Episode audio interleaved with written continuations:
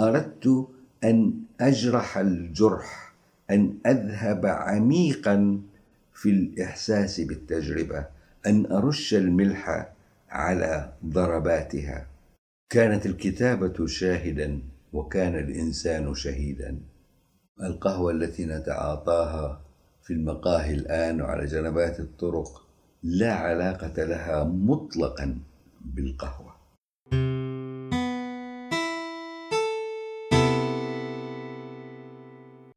هنا الموسم الثالث من بودكاست لوحة من قلب العالم من المملكة العربية السعودية.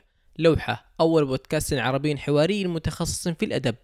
حسب تقرير الحات الثقافي الصادر عن وزارة الثقافة السعودية يعده ويقدمه وينتجه محدثكم مصطفى بن علي هيج. فالسلام عليكم ورحمة الله وبركاته. الطود العالي والمثقف المهاب الدكتور سعيد السريحي ضيفنا في أولى حلقات هذا الموسم. سعيد السريحي كاتب وناقد ومثقف سعودي من ألمع المثقفين ومن أجلة النقاد العرب. قص علينا في هذه اللوحة أحاديثه في أيام الحج التي عاشها كالنمل كما يقول في كتابه ذباب الوقت. عاد بنا إلى أولى المعارك الأدبية التي نشبت في الحجاز في عهد الملك المؤسس والتي كان بطلها محمد حسن عواد. وتساءلنا هل رأى فيه الدكتور سعيد سلفة؟ ولأن المجالس الثقافية لا تعمر إلا بالقهوة. غصنا في سوادها وقدم لنا الدكتور قراءة ثقافية عميقة لها وروى لنا معاركه الأدبية معارك الحداثيين وخصومهم. أخبرنا ما الذي دار وعن مشروع الحداثيين ومن الأقرب للمجتمع وقتئذ هم أم الخصوم؟ يقول ضيفنا تاريخ حركة الحداثة لم يكتب. وختمنا المحور بسؤالين. ما الذي سعى خلفه الدكتور سعيد السريحي طول عمره؟ وما الذي يريد أن يكتبه التاريخ عنه؟ وأنهينا الحلقة بمحور عن عكاظ وعن مستقبل الصحافة السعودية الورقية. إذا أعجبتكم الحلقة شاركوها مع صديق واحد فقط. وإذا لم تعجبكم فنكدوا بها على صديق ثقيل.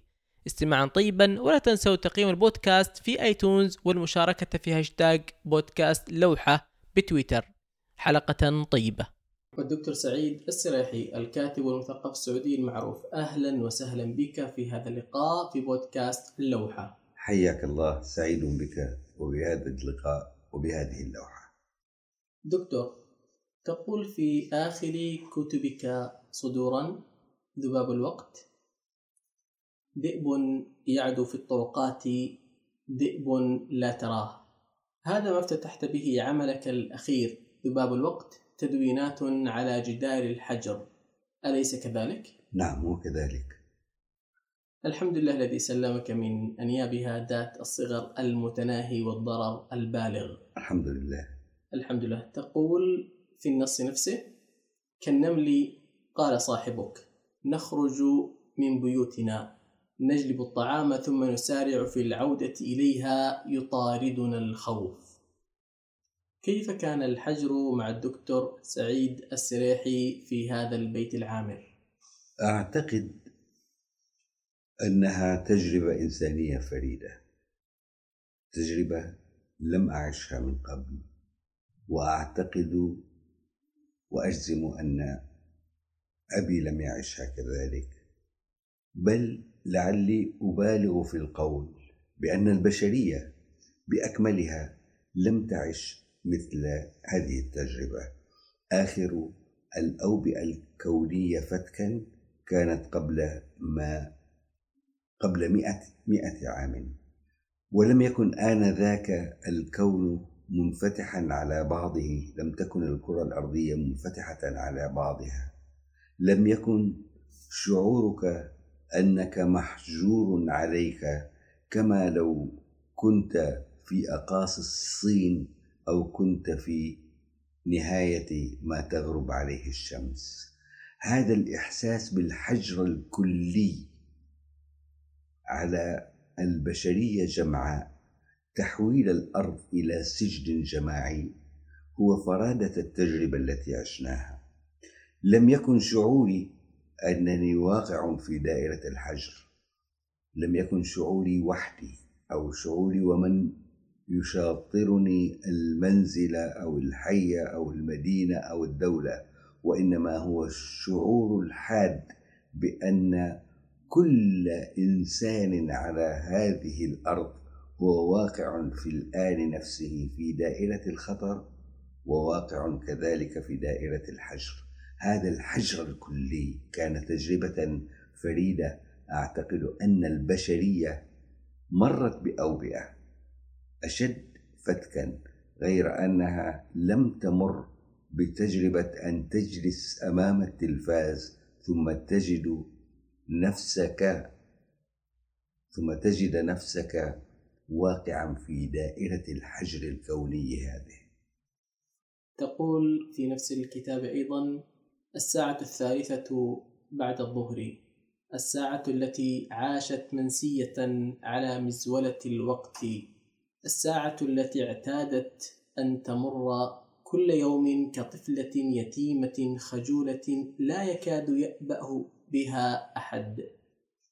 ما التغيرات التي أحدثها الحجر في حياة الدكتور سعيد السريحي؟ الإنسان ورب الأسرة. كإنسان كشفت لي التجربة هشاشة الإنسان. الإنسان الذي كان قبلها يشعر كأنما قد أمسك ثور الأرض بقرنيه. الإنسان الذي يظن أنه قد استحكم في الأرض وظن أهلها أنهم قادرون عليها ثم تكشف الإنسان عن هشاشة فضحت هذا الغلو الذي كان يحياه. هذا الفخر الذي كان يعيشه هذا التباهي بما أنجز.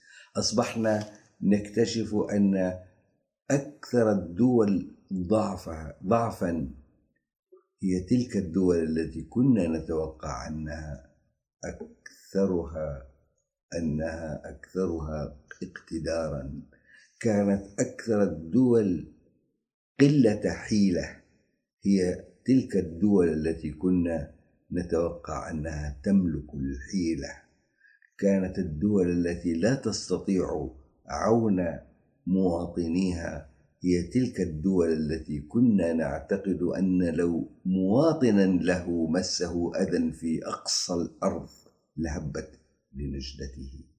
تلك الدول التي كانت تتباهى بمبانيها ثم اكتشفنا أنها في حيرة من توفير المقابر. المقابر المقابر لقتلاها هذه الهشاشة هشاشة الإنسان هشاشة المنجز الإنساني كانت أول دروس التجربة ولكن التجربة كذلك أعادتنا جميعا إلى كائنات حميمية تلتف على بعضها تماما تماما كما يلتف قوم يستشرفون غزوا من جهة لا يعرفون اتجاهها كمن يكمنون خشية ذئب يقفز إليهم من نافذة لا يعرفون على أي غابة تفتح صرعتيها إذا هذه هي التجربة حمية من جهة وفاضحة لكبرياء الإنسان من جهة أخرى.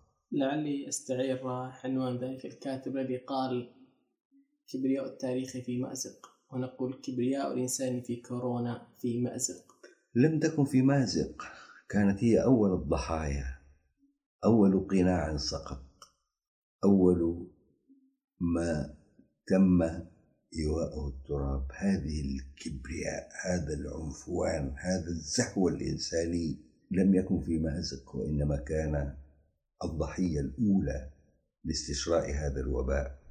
ربما مست البشرية أوبئة أكبر غير أن كورونا كانت فضيحة على رؤوس الأشهاد كانت كما يقولون فضيحة بجلاجل والجلاجل كانت أجهزة الإعلام التي تطارد الضحايا تكشف عن أعدادهم تطارد المستشفيات تكشف عن عجزها تطارد الزعماء وتكشف عن أنهم هم أنفسهم كذلك لا يستطيعون لأنفسهم حماية مهما امتلكوا من قوة ومهما تباهوا به وخوفوا به من أساطيل صحيح كانوا لا يستطيعون حيلة ولا يهتدون سبيلا ماذا عن سعيد السريحي الإعلامي والمثقف؟ آه، ثمت بقايا لذلك الدور الذي عشته طويلا دور رجل الإعلام ثمة استفادة من تلك الحقبة الطويلة التي عشتها كرجل إعلام حرصي على التواصل إدراكي لقيمة أن تكون هناك آه، نافذة تطل منها على الناس. احترامي للمتلقي. عملي لكي أصل إليه. لم أعد ذلك أو لم أكن كذلك. ذلك المثقف الذي يجلس في برجه العجي وينظر إلى الناس من عليائه. ما زلت عامل معرفة.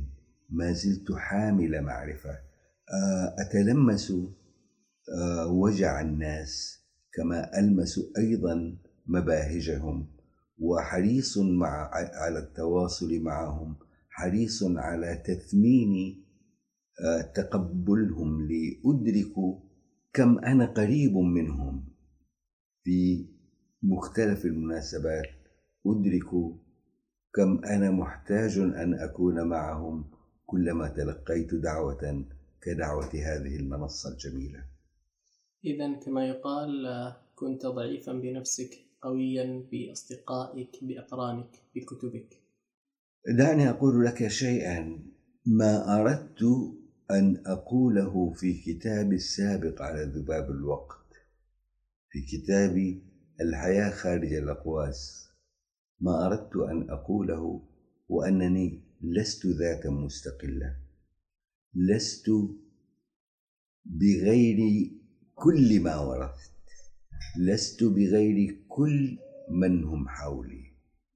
إذا كان ثمة ذات يمكن لها أن آه، تستحق التدوين فهي هذه الذات التي تتقاطع مع الذوات الكبرى مع كل الذين يحيطون بي كل الذين ورثت دماءهم. كل الذين ورثت أحاديثهم قصصهم تاريخهم لست لست ضعيفا فحسب بدون كل هؤلاء ولكنني لست موجودا بدونهم. كنت معهم مع الذئب الذي يعوي في رأسك مع البداوة مع الرويس مع أحاديث الوالدين مع أخبار الجد. ومع طه حسين مع سارتر مع أصدقاء الطفولة مع كل أولئك لم أكن معهم فحسب كنت بهم كذلك. تقول في نفس الكتاب نافذتك غدت كألف نافذة فوق سطح الأرض ورصيفك ذات الرصيف وأنت لم تعد أنت. أنت واحد من هذه الملايين. رقم في أعداد المحجورين في زمن كورونا وليس ببعيد أن تصبح رقما في قوائم ضحاياها. قبل ذلك الحمد لله الذي سلمك. الحمد لله. بعد انجلاء الحجر واندحار الفيروس أو هكذا نأمل لو سألتك ما الذي تغير في عيني سعيد السريحي؟ في الحياة في الوجود في الثقافة؟ قبل كورونا وبعد كورونا. أدركت أن نعم الله علينا لا تحصى ومن نعمه أن نكون قادرين على أن نخرج من بيوتنا متى نشاء ومن نعمه أننا قادرون على أن نلتقي بمن نحب من نعمه أن نمتلك فرصة أن نجلس في مقهى أن نتحدث كما نشاء. ثمة نعم كثيرة كنا نمارسها دون أن ندرك كم هي عظيمة هذه النعم. كم هو عظيم أن تخرج للقاء الأصدقاء. لم نكن ندرك حجم هذه النعم قبل أن يحرمنا الحجر إياها. إذا الحجر كان كفا لنعم كثيرة حينما عدنا إليها وعادت إلينا أدركنا كم نحن كنا منعمون أو كم نحن كنا منعمين في الأرض. في النص السابق المقتبس من عملك الأخير كلمة ملايين الذين عاشوا الحجر الصحي ملايين حول الأرض من أقصاها إلى أقصاها من شريانها إلى وريدها. لكن ما الذي جذب سعيد السريحي للكتابة عنها دون غيره؟ تقصد عن الكتابة عن عن الحجر. عن الحجر. هل كان ثمة تجربة أشد قسوة وحضورا من هذه التجربة؟ هل كان الحجر أقل شأنا من رؤية فتاة نكتب فيها قصيدة غزل؟ هل كان أقل من حادثة نفجر سخطنا عليها. إذا كنت لا تملك من أدوات الفعل شيء شيئا غير الكتابة ألا تستحق هذه التجربة أن تكتبها؟ قال لي بعض الأصدقاء كتبت لتفر من التجربة. قلت بل كتبت لأستشعر أشد مكامن التجربة قسوة. استحضرت في الكتابة أكثر ما أصاب البشرية من جوائح. استحضرت التجارب التي كتبت في تجارب مؤلمة مماثلة. أردت أن أجرح الجرح. أن أذهب عميقا في الإحساس بالتجربة أن أرش الملح على ضرباتها. آه إذا أردت أن أكتب تجربتي أردت أن أستحضر تجربة الإنسان حينما يكون في مثل هذا المأزق الوجودي الذي يجعله يترنح بين حياة مأمولة. وموت متوقع. إذا كانت الكتابة شاهد عيان على الحجر على الوباء العالمي أليس كذلك؟ كانت الكتابة شاهدا وكان الإنسان شهيدا. عظيم. من كورونا إلى البدايات هذا المحور الذي أحبه كثيرا. لك كتب تقرأ أمسيات تشاهد لقاءات تتابع. نود أو أنا أود أكثر. أن أعرف عن بدايات سعيد السريحي في الحياة. هل يتذكر ناقدنا الكبير أول لحظة أبصر فيها وجوده؟ دعني أستحضر معك تجربتي في القراءة. أتذكر وأنا كنت صبيا لا يملك لا يملك الشجاعة كي يلعب مع أقرانه.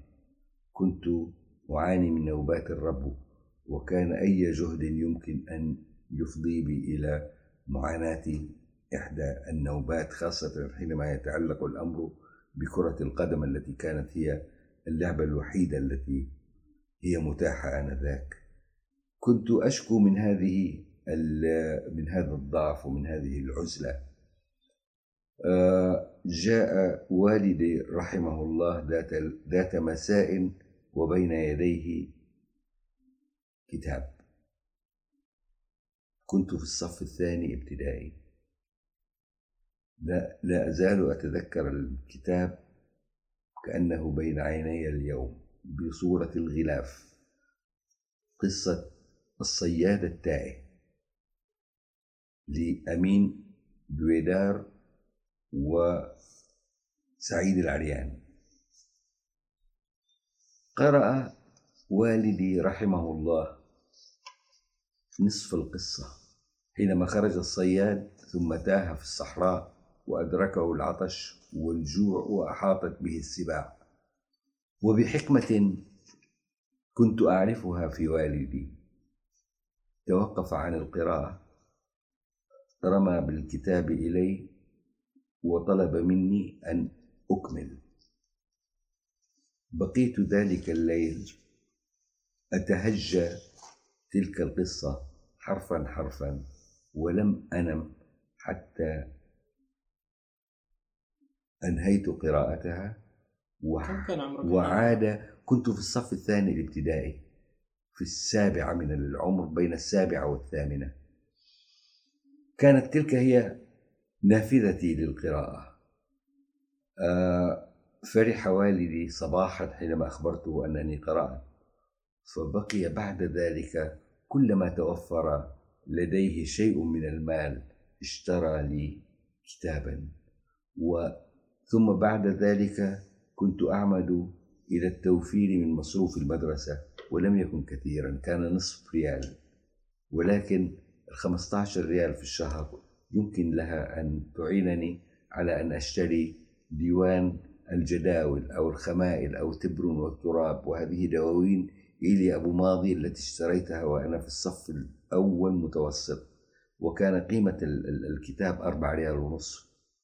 الديوان أربع ريال ونصف. بمعنى أنني قادر على أن أوفر ثلث مصروف المدرسة فأشتري كتاب.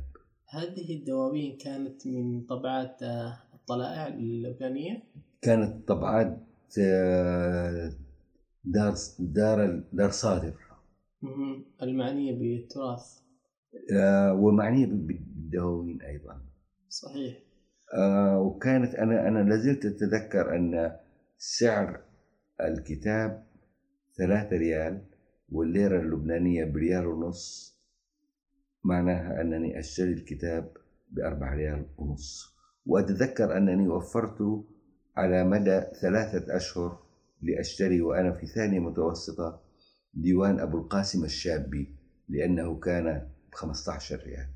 هو أغلاها سعرا. وهو أغلاها سعرا في تلك المرحلة.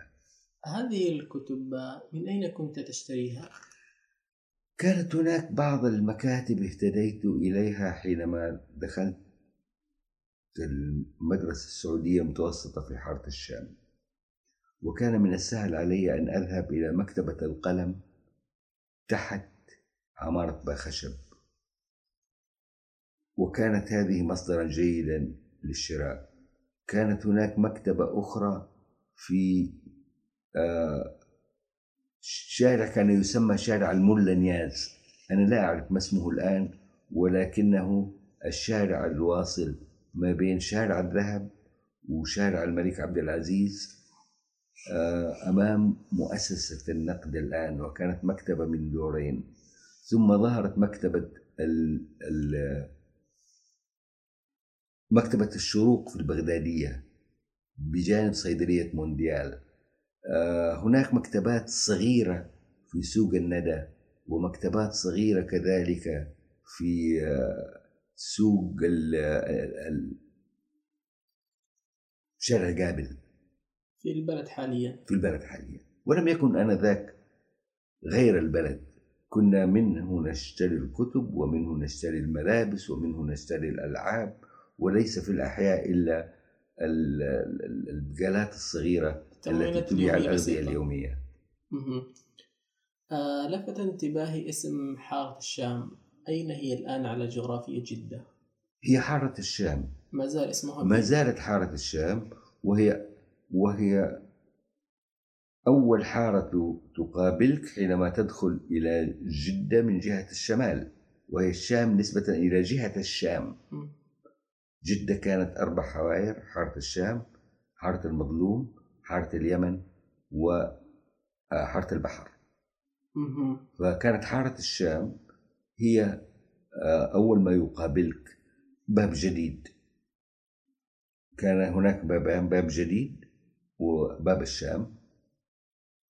آه، هما مباشرة تدخل إلى حارة الشام حيث يقام أو حيث كان يقام المهرجان السنوي لجدة. هذا الكلام كان في السبعينات أم في الستينيات؟ آه الميلادية طبعا. نعم. كان في أواخر الستينات الميلادية دخلت المدرسة السعودية المتوسطة عام سبعة وستين. سبعة وستين ستة ثمانية وستين تسعة وستين كانت مدرستنا في حارة الشام.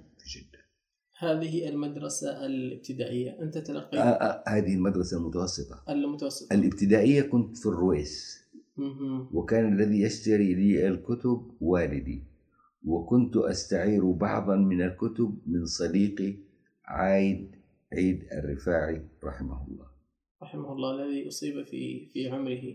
نعم هو علي عليه رحمة والنور. الله يرحمه. إذا أنت تلقيت تعليمك العام في جدة الابتدائية والمتوسطة والثانوي والثانوية ثم نعم. انتقلت إلى مكة المكرمة. كيف كانت الحياة في جدة حين ذاك؟ أعتقد أنني لم أكن في جدة. كنا على هامش جدة. أنا من أبناء الرويس. والرويس لم يكن حيا من أحياء جدة بمفهوم أحياء المدينة أو بالمفهوم الم- القائم اليوم. ليست الرويس ليست حيا مثل آه، حارة الشام وحارة البحر أو حارة اليمن. الرويس كانت تركيبة سكانية مختلفة. يفصل بينها وبين جدة مسافة ثلاثة كيلومترات كانت فراغا. حيث. البغدادية الغربية اليوم تفصل بينها وبين جدة المق- المقبرة وتفصل بينها وبين جدة المملحة وتفصل بينها وبين جدة ال- ال- ال- ال- الحفر المتبقية من التنقيب عن حجر الكاجور يسمونها المنقبة إذا بيننا وبين جدة؟ مقبرة مقبرة ومملحة ومنقبة حجر الكاجور هو الحجر ال- الذي بنيت به أو الذي تبنى به بيوت جدة القديمة. صخور رسوبية تستخرج من الأرض تشكل على شكل آه، طوب. ثم تبنى بها المنازل. هذا هو الحجر المستخرج من بعض ينقب عنه في الأرض ولذلك مكانه منقبة. إذا كنا نحن أبناء الرويس أبناء القبائل التي هاجرت من ديارها واقتربت من جدة ولم تستطع أن تدخل داخل جدة. ليس لها مكان في جدة المغلقة المغلق عليها سورها. فأقامت. كان هناك اختلاف كبير في البنية الاجتماعية في اللهجة في العادات والتقاليد بين أبناء الرويس الحديثي عهد بالبادية وأبناء جدة العريقي الحض- التحضر. إذا كأن البدوي الذي أقبل من دياره إلى جدة كان منشطرا. كانت قدمه الأولى في دياره والأخرى كانت على مشارف جدة. كنا كنا كنا نحيا منقسمين بين هويتين أو لنقل كما يقول الفرنسيون سقطنا بين كرسيين. بداوة لم نعد نمتلكها. وحاضرة لم نستطع أن نصبح عليها. كان أهل جدة ينظرون إلينا باعتبارنا بدوا. وكان من بقي من أهلنا في البادية ينظرون إلينا باعتبارنا حضرا وكنا نحن بدو حينما نكون مع أهل جدة. وكنا حضرا حينما نكون مع أهلنا في البادية. كنا بين بداوة وحضارة مذبذبين. لا إلى هؤلاء ولا إلى هؤلاء. هذا الوضع ألم يعني يخلق أسئلة لها علاقة بالهوية بالجغرافيا بالمكان؟ آه لها علاقة بالهوية فيما أعتقد. لم تكن الهوية بالنسبة لنا نحن أبناء الرويس هوية صلبة. لم نكن حضرا لنا التقاليد التي التي لا تتزحزح ولم نبق بدو بدوا لهم التقاليد التي يحرصون عليها. كنا في مرحلة تغير بين بداوة ماتت وحضارة لم تولد. الهوية كانت بالنسبة لنا في آه، حركة دائمة بين قطبين. حركة بين البداوة والحضارة. أعتقد أنني والجيل الذي أنتمي إليه الجيل الذي أسس فكرة الحداثة نمتلك هذا الوضع. إذا ما قرأت أسماء الفاعلين في حركة الثقافة في حقبة الثمانينات ستجد أنهم جميعا وبدون استثناء أبناء بادية تتحول نحو الحاضرة تنتقل إلى الحاضرة. أعتقد أن هذه الهوية المرنة بين قطبين هي مؤسس لاتجاهنا الفكري الذي كان يعبر عن التحرك من الموروث إلى المستحدث من التقليد إلى الجديد. تقول في كتابك الرويس وحقيقة أنا قرأت لك خمسة كتب. هذا أكثر كتاب مسني حقيقة. لا أعرف لماذا. هذا الكتاب أشعر بأنه قريب جدا جدا ربما لأنني عانيت من من شيء فيه. ربما لأنك عشت قريبا من الوضع المتحول بين حالين أو هويتين. آه صحيح. تقول في الرويس على الأفق الشمالي لجدة كانت تلوح بيوت الرويس. تلك التي آوى إليها آباؤنا حيث ألقت بهم أقدارهم. أكواخ من القش وصندقات من الخشب وبضع بيوت من الطين والحجر. ما رأيك لو ورجنا إلى الرويس؟ أقول لأصدقائي مازحا وهو مزح يشبه الجد أو جد يشبه المزح. لا زلت حينما أذهب إلى الرويس أجد للإسفلت رائحة تختلف عن رائحته في بقية العالم. وما زلت أقول إذا كانوا يقسمون الأرض إلى قارات خمس فأنا أقسمها إلى قسمين فقط الرويس وبقية الأرض. يا سلام الرويس قطب وما عداه قطب آخر. قطب آخر. أول أرض مس جسمي ترابها الرويس ببساطة أهله ببساطة منازلهم بتساويهم في الفرح وفي الوجع في الألم وفي الشقاء. هذه البنية العجيبة جدا التي عشت فيها. آه، لا تزال صدقني يا صديقي لا زلت حينما أحلم. أحلم ببيتنا في الرويس. يا سلام تشعر بأن العمر بعد الرويسي صار عمرا مسروقا؟ الرويس يعني لطفولتي. وليس هناك ما هو أجمل من سن الطفولة. ليس هناك أجمل من سن الطفولة. الرويس هو نقطة التقائي بالعالم نقطة التقائي بالحياة. هو لحظة التماس الوجودي بهذا الأرض. هم أصدقائي الذين رحلوا وأصدقائي الذين لا يزالون يتوكؤون على شيخوختهم مثلي. الرويس هذا الحي الذي أفردت له كتابا أو إصدارا مستقلا وما زال يتابعك حتى آخر إصداراتك. كأنما كأنما كأنما يرنو إلي هذا الحي كأنما أسمع فيه صوت أباء القدامى حينما يقولون بعتب هذا اللي الله قدرك عليه. أشعر بهشاشة ما كتبت عن الرويس أشعر بأنني عاجز عن الوفاء له بما يجب عاجز عن أن له في النفس ما لا أستطيع أن أصبر غوره. يا سلام. تقول في عملك الأخير ذباب الوقت.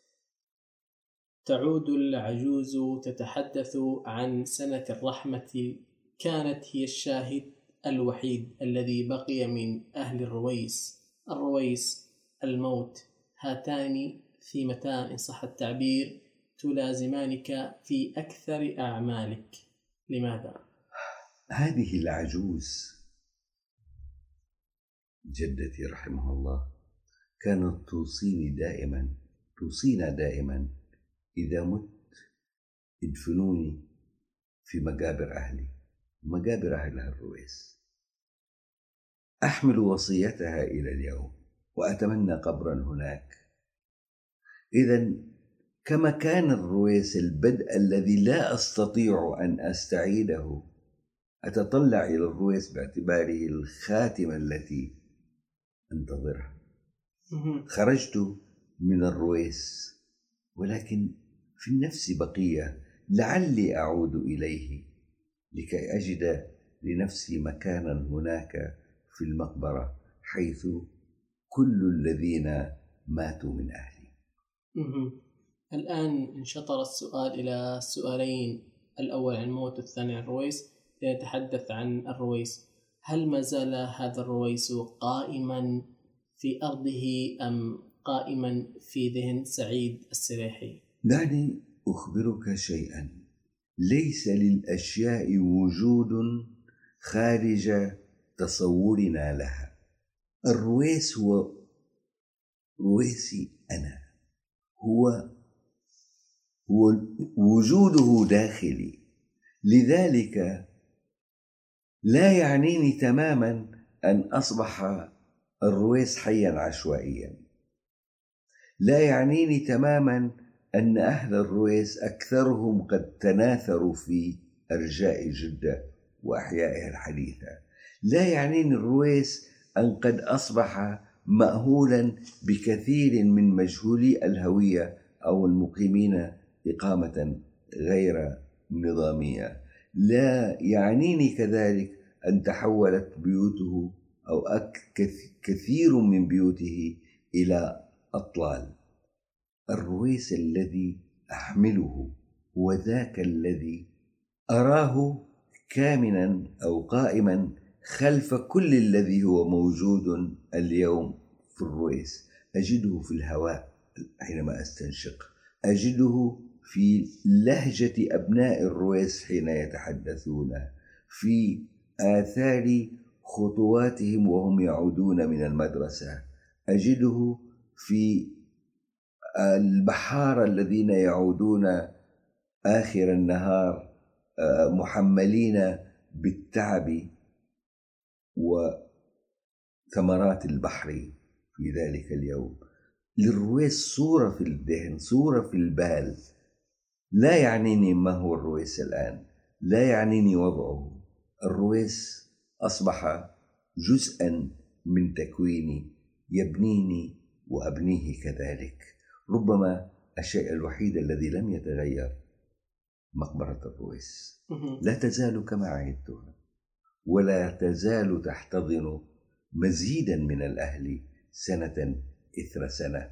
لا تزال تحتضنهم ثم تعدهم أنها لن تتغير كما تغيرت مباني الرويس وشوارع الرويس وسكان الرويس إذا سعيد السريحي الذي حمله الرويس طفلا الآن يحمل الحي في قلبه جزاء له. هو كذلك وليس لي فضل في ذلك لو لم يكن الرويس قادر على أن يمنحني هذا العمق ما حملته. أنا أدين أدين له بما أحمله له كذلك. لو عدنا إلى السؤال الذي انشطر عن الرويس والموت تتحدث دائما عن الموت في أعمالك كلها تقريبا أو الأعمال التي قرأتها على الأقل. كيف يفلسف سعيد السريح الموت؟ الموت هو الحقيقة الكبرى أمام مختلف الظواهر الزائفة التي تغرينا بها الحياة. واعبد ربك حتى يأتيك اليقين. وذهب المفسرون إلى أن اليقين هو الموت. عمرو بن كلثوم يقول أبا هند فلا تعجل علينا وأنظرنا وأنظرنا نخبرك اليقين بأن نورد الرايات بيضا ونصدرهن حمرا قد روينا. نخبرك اليقين أي الموت. إذا والمعرض يقول طلبت يقينا يا جهينة عنهم فلم تخبريني يا جهينة سوى الظن. كل ما سوى الموت هو الظن. إذا الموت هو هذه الحقيقة الإنسانية الكبرى التي لخشيتنا منها نتجاهلها. ولكن في نفس الوقت الموت هو المصاحب لنا منذ الولادة. نحن في كل يوم نموت على مستوى الخلايا التي تموت فينا وتولد خلايا أخرى. نموت حينما نفقد بالموت من نعرفهم نموت حينما ننسى. كل ما نسيناه هو جزء منا قد مات.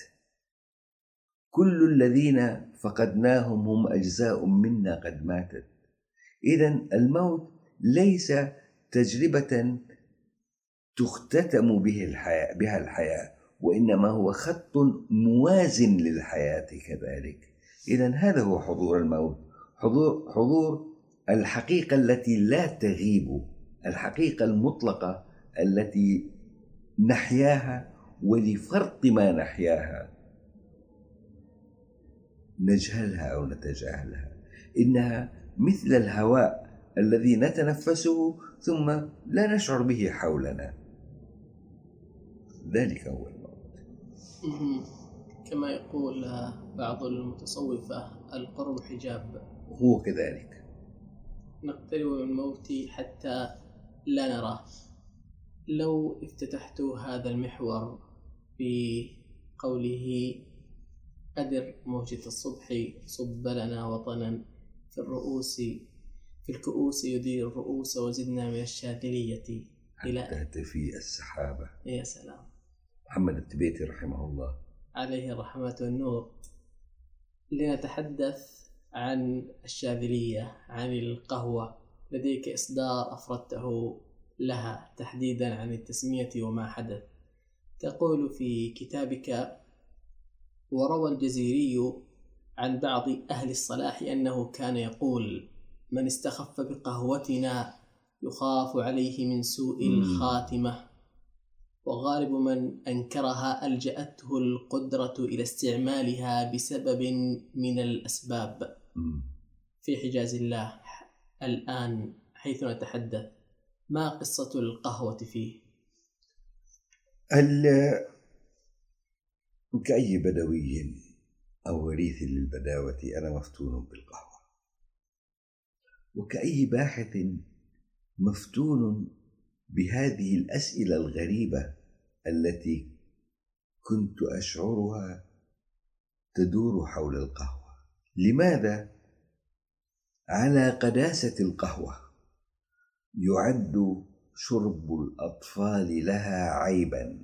لماذا يعد الجلوس في القهوة المقهى عيب؟ وكان كذلك عند آبائنا. دعك من المقاهي اليوم. كان الجلوس في المقهى عيب ما يصح. جلسة قهاوي آه خطاب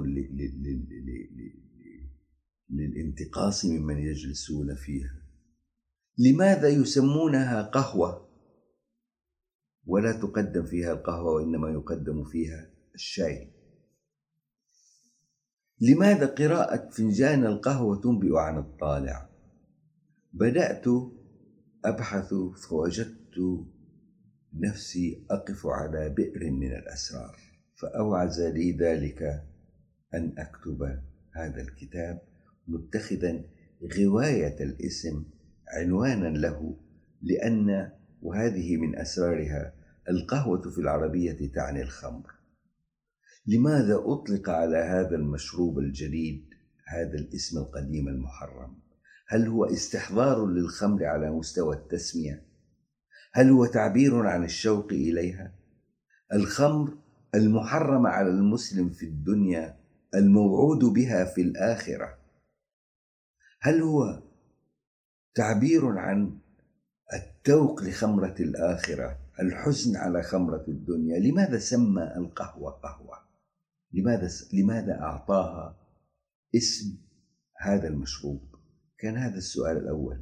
ما ينبني على ذلك أنها حرمت وكأنما الاسم استدرج الحكم. إذا كان من يتعاطونها قد جلبوا لها اسما من أسماء الخمر فإن من وقفوا ضدها استجلبوا لها حكم الخمر كذلك فحرمت. كان يجلد شاربها. ويجلد طابخها ويجلد شاريها ويجلد بائعها وكانت تحطم آنية شربها على رؤوس شاربيها وربما قضى بعضهم كذلك. وحطمت المباني التي كانت تباع فيها. حطمت الصندقات التي كانت تطبخ فيها ويذهب الناس لشربها. وكان يقال لا يجلس في مجالسها إلا أراذل القوم. حينما ظهر الشاهي وأعيد بناء تلك المساكن أعيدت التسمية القديمة فسميت قهوة فأصبح الناس يذهبون إلى القهوة اللي كان أجدادهم يشربون فيها القهوة يذهبون إلى تلك المساكن لكي يشربوا الشاهي ولا يجدون القهوة. هذه قصة القهوة في الحجاز. كانت مباحة ثم حرمت ثم أبيحت. التحريم كان عاما حرمها مفتي القاهرة ومفتي القدس ومفتي دمشق ومفتي إسطنبول ومفتي مكة. عظيم أجمع المفتون في هذه ال... على تحريم القهوة وحينما أحلت كان أول من أحلها مفتي مصر. حدثت فتنة بين رجال الحسبة وجماعة ممن يشربون القهوة وأفضت تلك الفتنة إلى اقتتال قضى فيه بعض الناس فأرسل حاكم مصر للمفتي يطلب الرأي فالمفتي أحضر جماعة ممن يشربونها طبخ لهم القهوة شربوا فلم يلحظ عليهم شيئا ثم سقاهم فلم يلحظ شيئا ثم سقاهم فلحظ فيهم شيئا من الانبساط ثم شرب منها وأفتى. بحلها. اذا هو الذي سبق إلى التحريم وهو الذي سبق إلى الإباحة. الذي سبق إلى التحريم مفتي مكة. أو الذي سبق الذي سبق إلى التحريم هم فقهاء المذاهب الأربعة في مكة بعد جلسة عقدوها في مجلس الشريف وأفتوا بتحريمها وكتب إلى غانسو الغوري سنة 917 يخبرونه بذلك فأصدر فرمانا يمنع فيه شرب القهوة بناء على فتاوى علماء مكة. هذا الذي أصدر الفرمان كان الوالي المملوكي على الحجاز؟ كان والي مصر قانسو الغوري آخر حكام المماليك وكانت الحجاز تخضع آنذاك لمصر. في كتابك تحدثت عن كيف أو الأقوال التي تتحدث عن بداية القهوة واستكشافها؟ هل كانت في اليمن أم كانت في الحبشة؟ هل كان صوفيا أو كان آه، قسا؟ ما القصة التي يذهب إليها سعيد السرحي؟ لست باحثا في التاريخ ولم أكن معنيا بتدقيق الروايات التاريخية. أنا معني بالدلالات. بالحمولات التي تحملها تلك الروايات. تربط بسيدنا سليمان حينما وصل إلى بلدة فلم يخرج أهلها إلى استقباله لداء ألم به فحمل إليه جبريل حبات البن طبخها وسقى أهل البلدة فشفوا منها. تربط بسيدنا محمد عليه أفضل الصلاة والسلام. تربط بالمتصوف الذين يسهرون الليل للتعبد. الذي يعنيني هو ليس ليس ال ال ال ال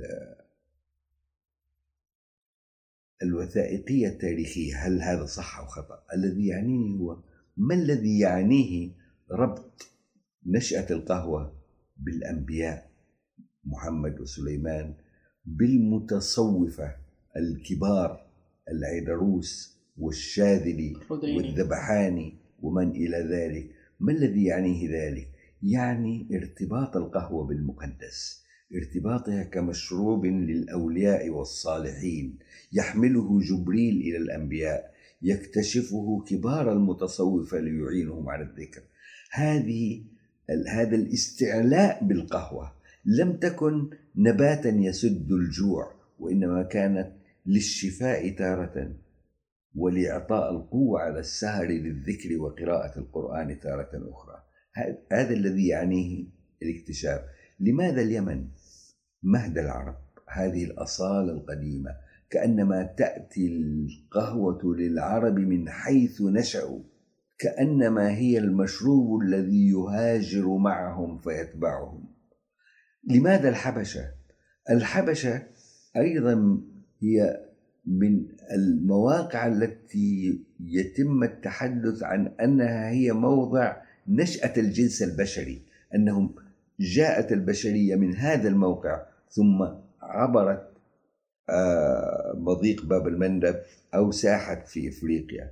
اذا تظل الحبشة مكانا لبدء البشرية واليمن مكانا لبدء العرب. اذا الذي يعنيني الآن ليس الحبشة أو العرب يعنيني ماذا وراء هذه الروايات؟ ما هو التصور؟ ما هو المفهوم؟ ما الدلالة الرمزية؟ ربطها بالأنبياء بالأولياء بجبريل بنشأة البشرية بأصل العرب. هذه هذه القيم التي تكرس قيمة القهوة. هذا الذي يعنيني. طيب ما الذي يعنيك بتغير الحكم كيف تقرأه من ناحية الخطاب الثقافي آه هنا نحتاج أن نقرأ تماما كيف تم استدراج الفقهاء لإصدار هذا الحكم حينما تقرأ المعروض الذي كتبه خاير بيك المعمار رئيس الحسبة اللي هو جهاز الأمر. الأمر بالمعروف والنهي عن المنكر حينما تقرأ الخطاب الذي كتبه لفقهاء ذلك العصر وجمعهم لتدارسه تعرف كيف أن أن عرض المسألة هو الذي يستدرج الحكم فيها. وحينما تقرأ كذلك الخطاب الذي كتبه بعد زمن المنافحين عن القهوة كيف استدرجوا الفقهاء لإصدار الحكم. عندها نستطيع أن نقول أن كثير من الأحكام ما فات منها وما زال منها باق. الكثير من هذه الأحكام لا ترتبط بالأشياء وإنما ترتبط بتصور الأشياء. دعنا نتذكر دعنا من القهوة. لناخذ قيادة المرأة للسيارة. حينما تكيف القضية بشكل أو بآخر ثم تقدم للمفتي لكبار العلماء لرجال الفتوى فإنهم يحكمون بناء على ما كيفت عليه القضية.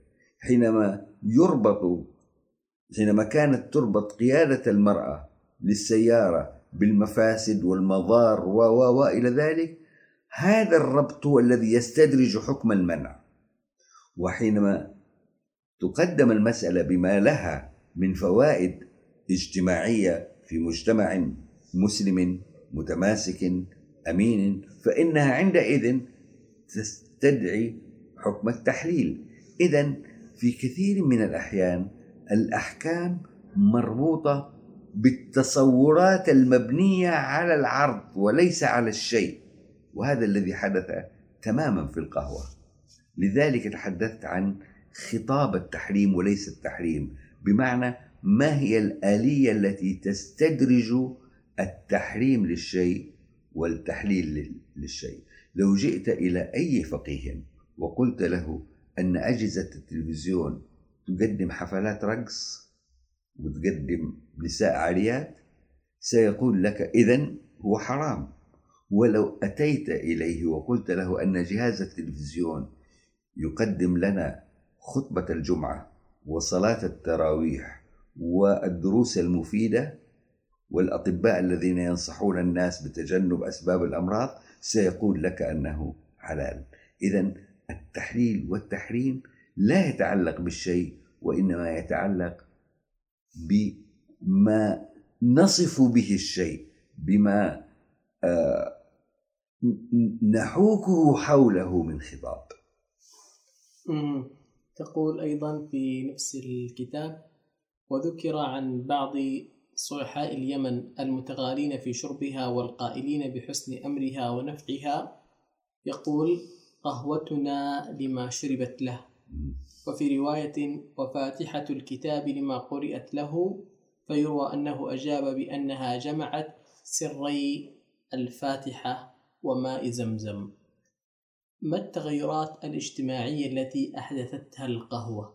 بعيدا عن غلو المتصوف الذين كانوا يرون في القهوة سر ولي القهوة شكلت المشروب الذي يجتمع حوله الناس. كان الناس في جاهليتهم والناس في جهلهم يجتمعون حول الخمر. ثم جاء الإسلام فحرمه وجاءت الأخلاق الكريمة أيضا فمنعت الناس من تعاطيه. ولم يعد للناس مشروب يجتمعون حوله. حينما جاءت القهوة شكلت هذا المشروب الذي يجتمع حوله الناس أقيمت لها الأماكن التي تشرب فيها. أصبحت هي سيدة المجلس حيث تدار. أصبح الشاعر بإمكانه أن يقول يا ما حل الفنجان مع سيحة البال في مجلس ما فيه نفس ثقيلة. وليضاق بالي قلت شبولي النار هات الدلال. وهات من مثميلة. إذا القهوة شكلت آه، مجالس وثقت العلاقات.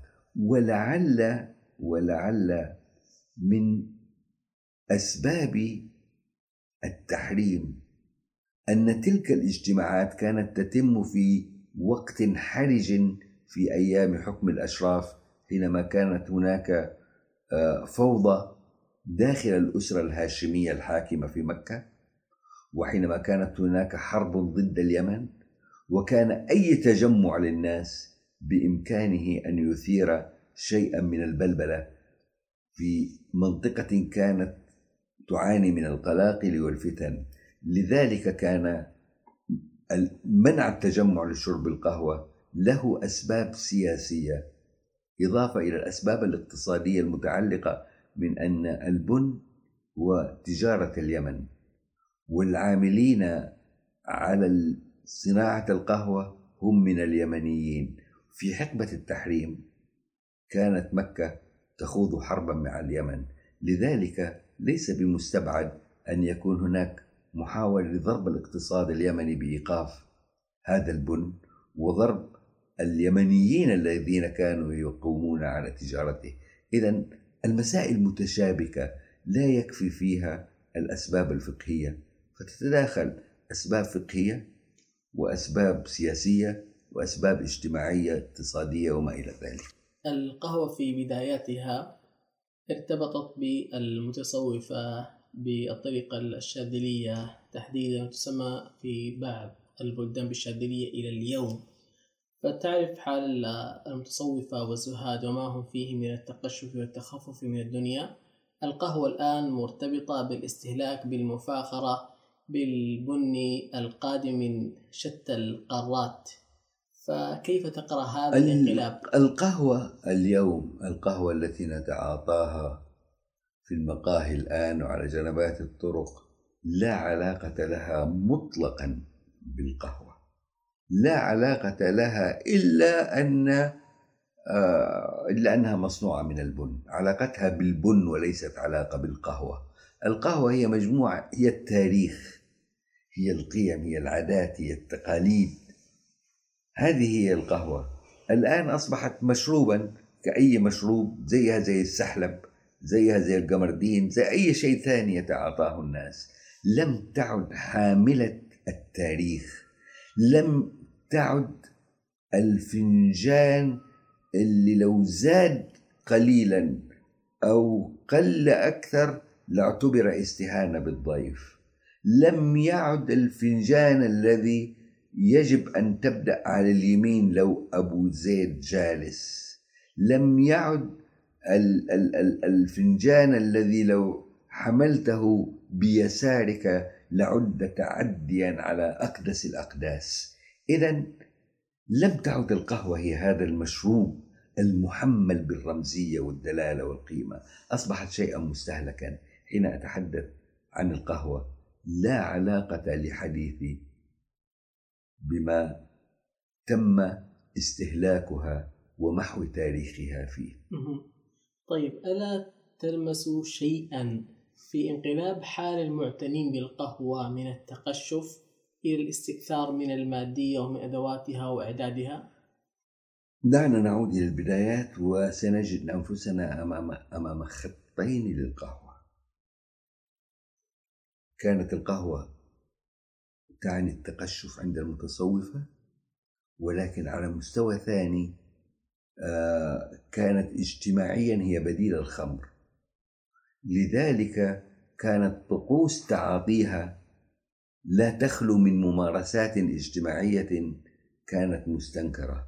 يقولون كانوا يتعاطونها رجالا ونساء وكانوا يلعبون حولها الشطرنج وكان محرما وكانوا يغنون ويرقصون وكانوا وربما خلطوها بالمسكر.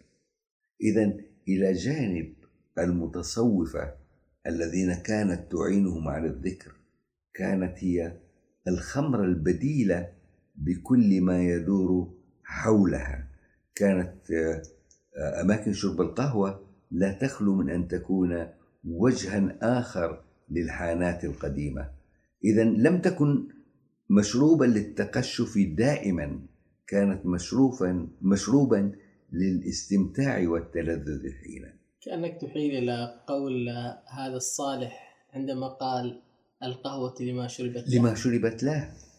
هو نعم هو كذلك. إذا قد تشرب للمتعة وقد تشرب للتفرغ للعبادة. عظيم. القهوة مرتبطة بالبدو والبداوة وبالخيام. لنتحدث عن كتابك أيديولوجيا الصحراء. تقول في هذا الكتاب لم تكن دعوة المجددين إلى تجديد الأدب تتوقف عند حدود الأدب شعره ونثره. ثم تقول كانت الدعوة إلى تجديد الأدب جزءا من مشروع ضخم يهدف إلى تجديد وتطوير وتحقيق النهضة. هل سعد السريحي عندما كتب هذا الكتاب يبحث عن سلف في الحداثة في الحجاز. نعم ولعله الرجل الذي أهديت إليه الكتاب إلى محمد حسن عواد في شبابه. خواطر مصرحة للعواد لم يكن دعوة لتجديد الأدب وإنما كان دعوة لتجديد الحياة المختلف من نواحيها المختلفة. دعوة لتجديد الحياة الاجتماعية والاقتصادية والفكرية كذلك كان دعوة شاملة وكان المجددون آنذاك هم المصلحون. لم يكونوا شعراء كبارا ولم يكونوا مؤرخين كبارا ولم يكونوا كتاب مقالات أو قصص أو روايات كبارا وإنما كانوا مصلحين كبار. كانوا هم الذين حملوا على أكتافهم الرغبة في تطوير الحجاز تلك الرغبة التي تظهر جلية في خواطر مصرحة. الرغبة في أن أن أن أن أن, أن ننفتح على العالم في أن نستفيد من العالم.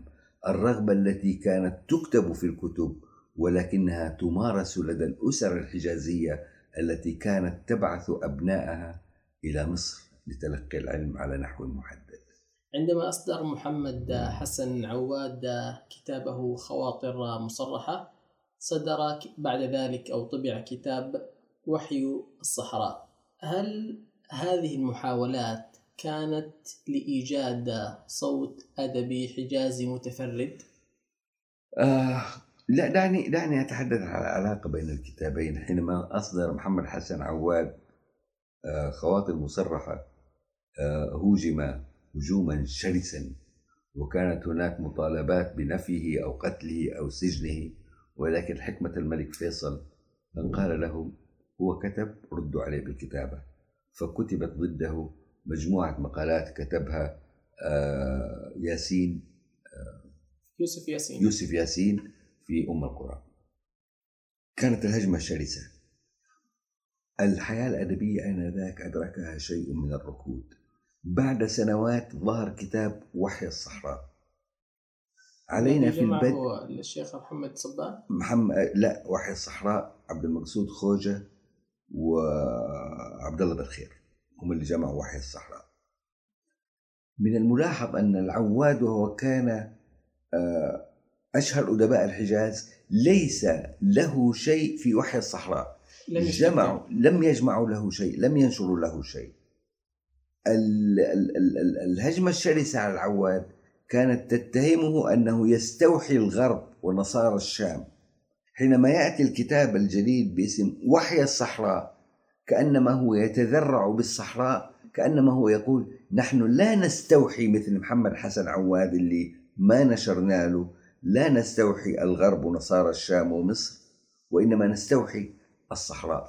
ليس في الكتاب شيء عن الصحراء.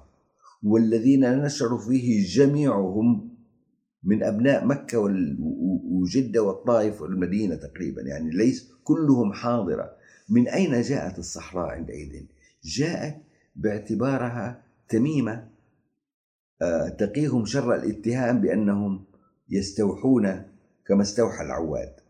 لذلك الصحراء كانت تقية. محاولة إقامة سد بينهم وبين الذين يشككون في هؤلاء الأدباء.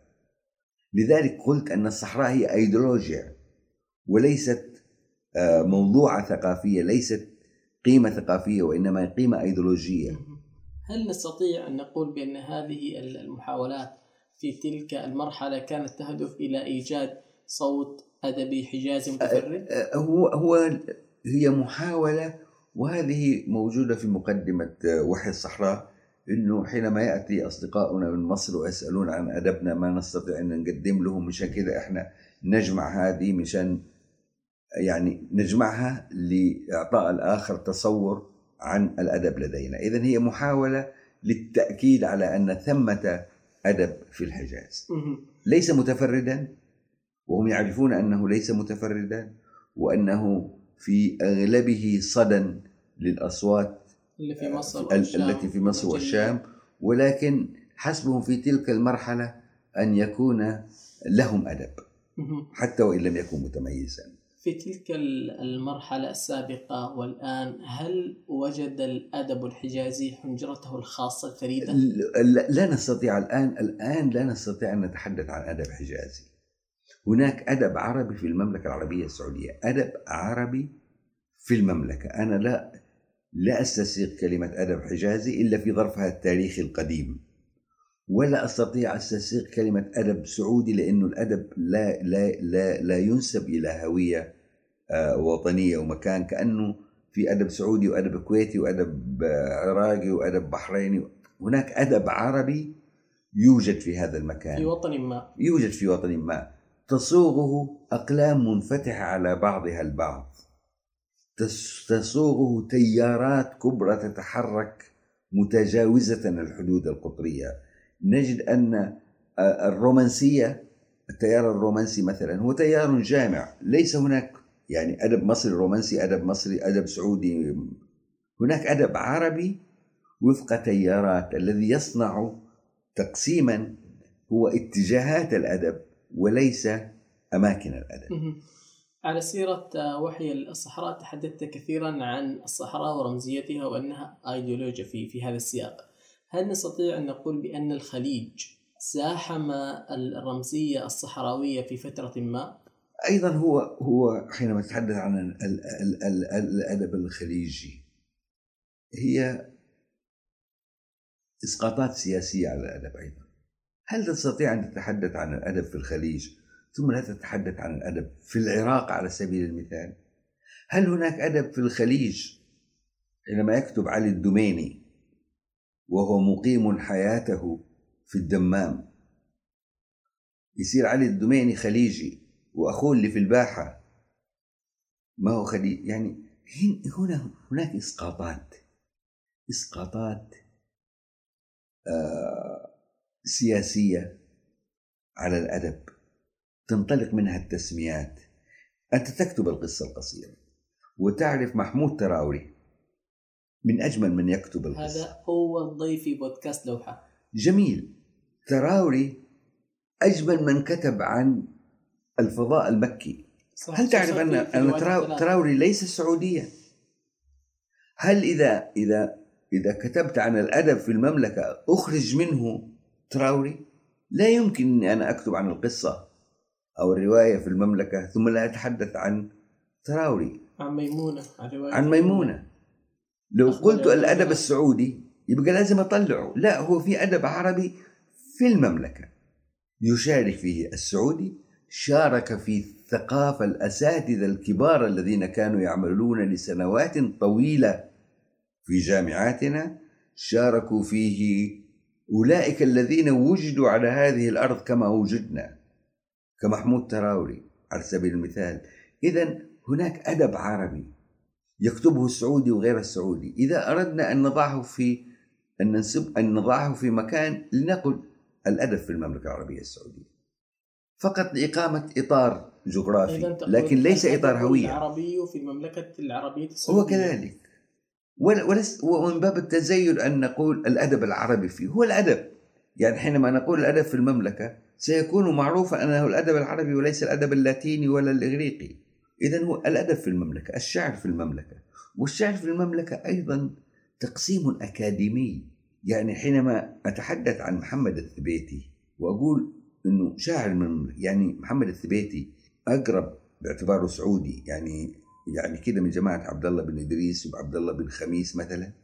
أو محمد الثبيتي لا هو قريب من أدونيس والماغوط والسياب الذي يجمع الأدباء هو الاتجاه الأدبي وليس القطر حينما أدرس محمد الثبيتي وأريد أن أضعه في بيئة أضعه في بيئة تجمع بأدونيس بالسياب بأمل دنقل ب- بهذه المدرسة. عبد الصبور. بعبد الصبور.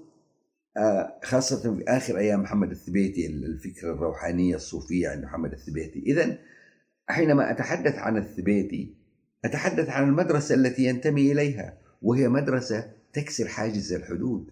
حينما أتحدث عن محمد حسن عواد أتحدث عن مدرسة الإحياء اللي يقف على رأسها شوقي على سبيل المثال. صحيح شوقي حافظ باروتي بالضبط. إذا هكذا الأدب يدرس على شكل تيارات عابرة للحدود. على شكل مدارس يلتقي فيها الشامي بالمصري بالسعودي بالمغربي وليس على شكل حدود. إحنا ابتلينا الآن بدراسات أكاديمية القصة في المملكة العربية السعودية الرواية في المملكة العربية السعودية النقد في المملكة العربية السعودية. كلام لا معنى له سوى الدراسات الأكاديمية تقول حدد المكان. لا الشعر في المملكة العربية السعودية في فترة الثمانينات. يعني كأنه الناس كذا باتوا آخر ليلة في السبعينات وصحيوا أول ليلة في الثمانينات ولقوا أنفسهم قدام شعر جديد. 1970 1980 ليس هناك معنى لمثل هذا التقسيم الزائف وهذا الذي تقع فيه رسائل الجامعات. يزيفون المكان ويزيفون الزمان ويتجاهلون حقيقة الأدب العابرة. شكل انفعلت. آه لا أبدا بالعكس آه كان حديثا جميلا. آه في نفس الكتاب أيديولوجيا الصحراء تحدثت عن يوسف ياسين وصحيفة آه، أم القرى وبريد الحجاز التي كانت في جدة وأغلقت وانتقل كتاب الشباب إلى صحيفة أخرى جديدة. وذكرت بأن سبب كتابة آه، يوسف ياسين لهذه المقالات هي إنما يريد أن ينال حظا وافرا من المناصب في الدولة الفتية حين ذاك. هو ليست ليست الكتابة هي السبب. هو كان هناك صراع بين الوافدين من الشام والمقيمين في الحجاز على الظفر بثقة الدولة الجديدة المملكة دولة الدخول الملك عبد العزيز الحجاز إقامة الدولة وظائف الدولة كان هناك صراع. وكان الذي يمسك المنصب يحاول أن أن يجعل من نفسه أهلا له. والقضية آه، شائكة لا أريد أن أوجز الحديث فيها فيبدو مبتورا وقد لا آه، تفهم مقاصده. لذلك أحيل إلى التفاصيل الموجودة في الكتاب. ولكن المعركة حول كتاب العواد لم تكن تخلو لم تكن تخلو خاصة في المقالات الأخيرة من هذا الصراع بين المقيمين في الحجاز والوافدين إلى الحجاز من ممن هم ليسوا أصلا من أهل الحجاز. كانت كانت كانت معركة لم تكن معركة شريفة.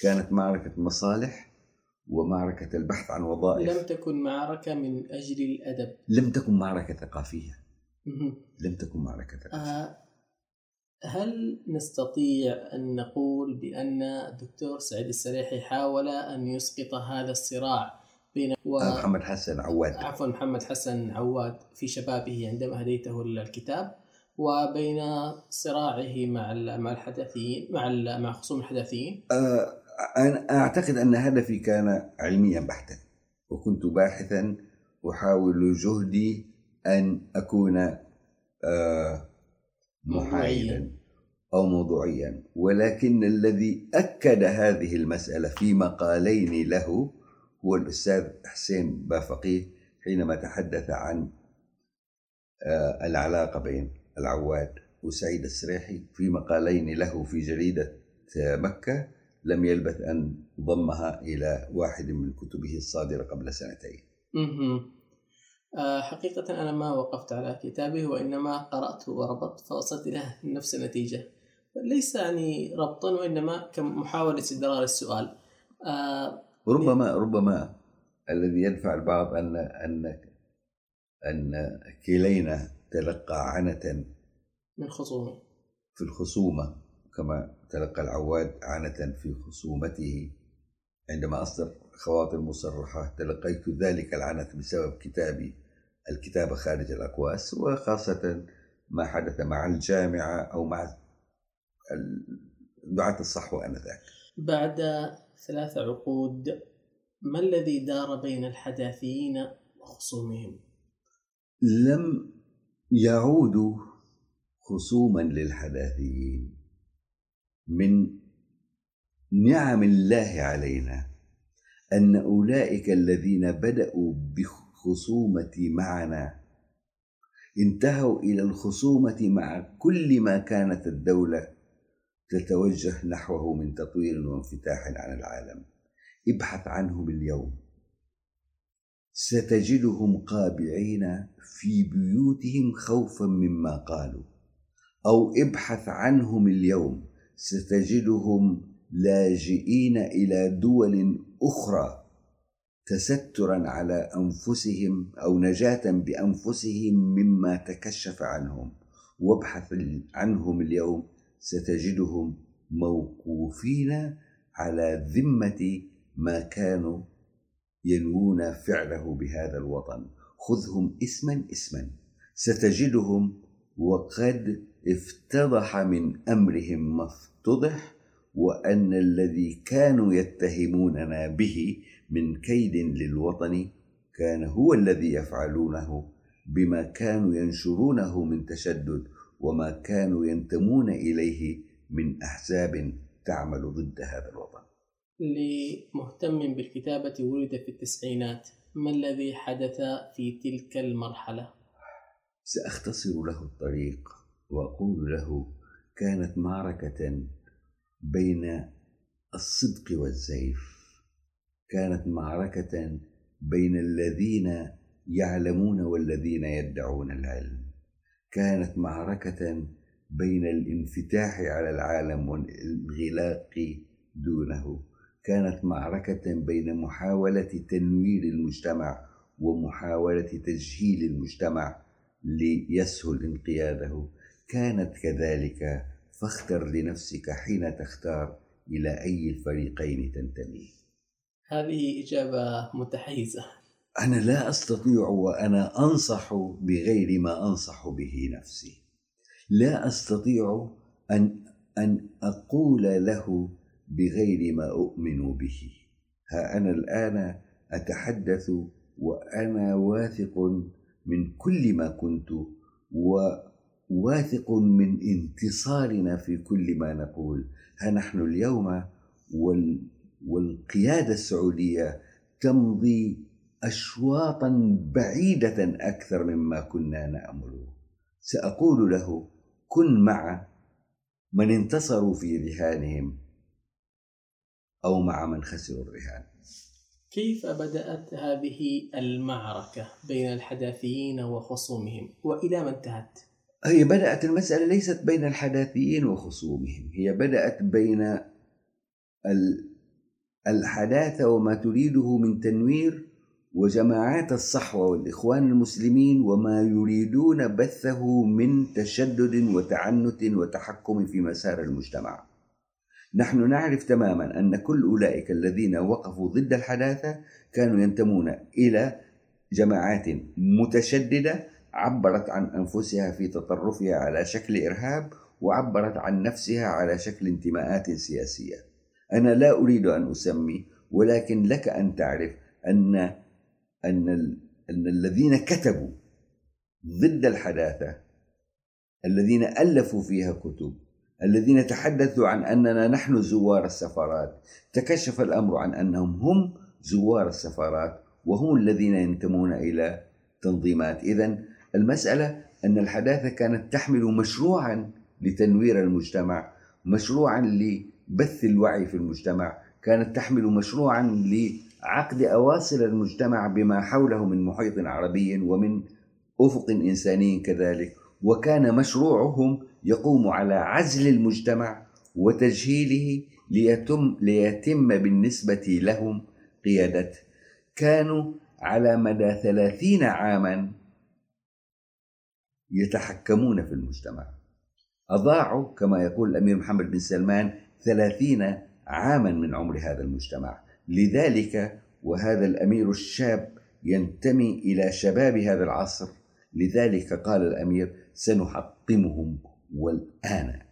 لماذا؟ لأنه يدرك تماما بوعي الشاب أنهم كانوا ضد الوعي وضد فتوة الشباب وانفتاحه على العالم وثقته بنفسه.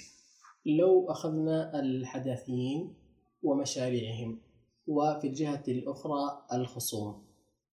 أيهما كان أقرب للمجتمع وأكثر تعبيرا عنه؟ أقرب للمجتمع شيء وأكثر تعبير عن الشيء ثاني أقرب للمجتمع متدين. مجتمع يثق بما يسمع. مجتمع لا يملك الوعي النقدي. مجتمع يخاف الله. أولئك المتشددون ارتدوا عباءة الدين. بدوا للمجتمع وكأنما هم الذين يريدون إخراجه من الضلالة إلى الهدى. كأنما هم الذين ينقذونه من النار. بدأوا في شكل الوعاظ والدعاة والخطباء. اكتسبوا شرعيتهم من شرعية المنبر الذي يتحدثون إليه فكانوا أقرب إلى المجتمع. ومن السهل عليك أن تثير الخوف في المجتمع. في مجتمع لم يتعود على الانفتاح على الخارج. لك أن تثير فيه الخوف لكن من ليس من السهل أن تمنحه الشجاعة. لذلك كانوا هم أكثر قدرة على التأثير في قاعدة المجتمع العامة. بينما كانت الحداثة تمتلك الأجهزة الثقافية المختلفة. كانت الدعوات تأتي من فرسان إلى تبوك ومن الأحساء إلى جدة. ولكنها التأثير في النخبة المثقفة. كان تأثير الحداثة هو تأثير في النخبة المثقفة وكان تأثير التشدد وتأثير في القاعدة الشعبية. أنا مضطر لأعود إلى سؤال سابق. هل نستطيع أن نحدد اللحظة التي بدأت فيها الشرارة الأولى أو صافرة الحكم الثقافي؟ آه بدأت بمقالات واعتراضات أدبية إلى حد ما. كأنما كانت في البدء خصومة بين بين أدباء. هل ثم لم تلبث لم تلبث السبحة أن انفرطت حينما تلقفها أتباع الصحوة. أول ما صدر شريط كاسيت يهاجم الصحوة ويتحدث يهاجم الحداثة ويتحدث عن أنها مؤامرة. وصاحب هذا الشريط هو لاجئنا اليوم في تركيا يتحدث ضد المملكة وضد قادة المملكة. ثم تحول الشريط إلى منشور. ثم صدر المنشور في كتاب وصاحب هذا الكتاب هو اليوم معتقل لما كانت تشكله آراؤه من خطر هكذا بدأت بعد ذلك إلى أين وصلت؟ انفرطت في المساجد وخطب المساجد والمنشورات في المدارس والمطويات وما إلى ذلك واستمرت الهجمة الشرسة إلى أن حدث غزو الكويت وتدخل القوات الأجنبية لمساعدة الكويت على استرداد أرضه فارتفعت أصواتهم مستنكرة الاستعانة بالقوات الأجنبية وخف هجومهم على الحداثة لكي يهاجموا الدولة. وعندها انكسرت الجرة بينهم وبين الدولة ثم مر التاريخ بعد ذلك في تمددهم اجتماعيا ومواجهتهم للدولة.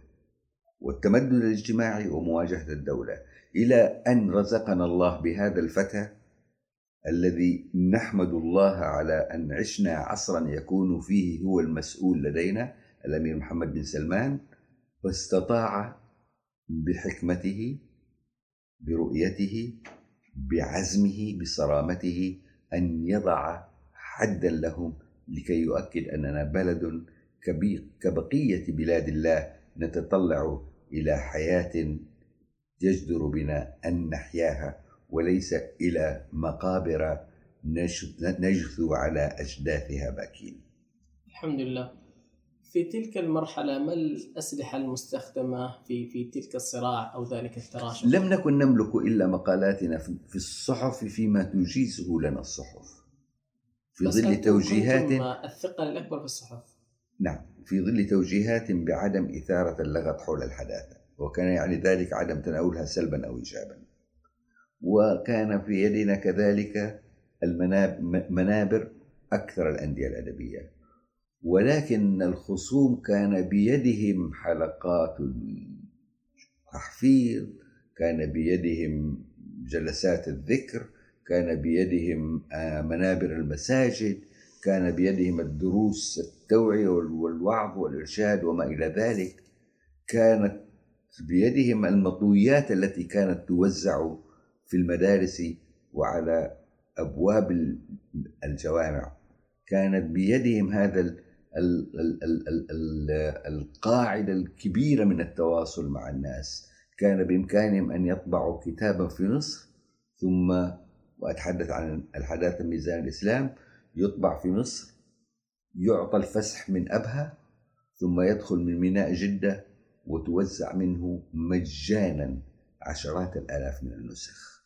ونحن لم نكن نملك إلا صحيفة نكتب فيها أو ناديا نتحدث من على منبره إذا كانت الأسلحة في تلك المواجهات صح التعبير مقالات من طرفكم تحقيقات صحفية ومن الطرف الآخر كتب كاسيت منشورات. نعم كنا نستخدم أدوات النخبة المثقفة وكانوا يستخدمون ال ال ال ال الوسائل الاجتماعية كاملة من المنشورات للكاسيت للخطب المواعظ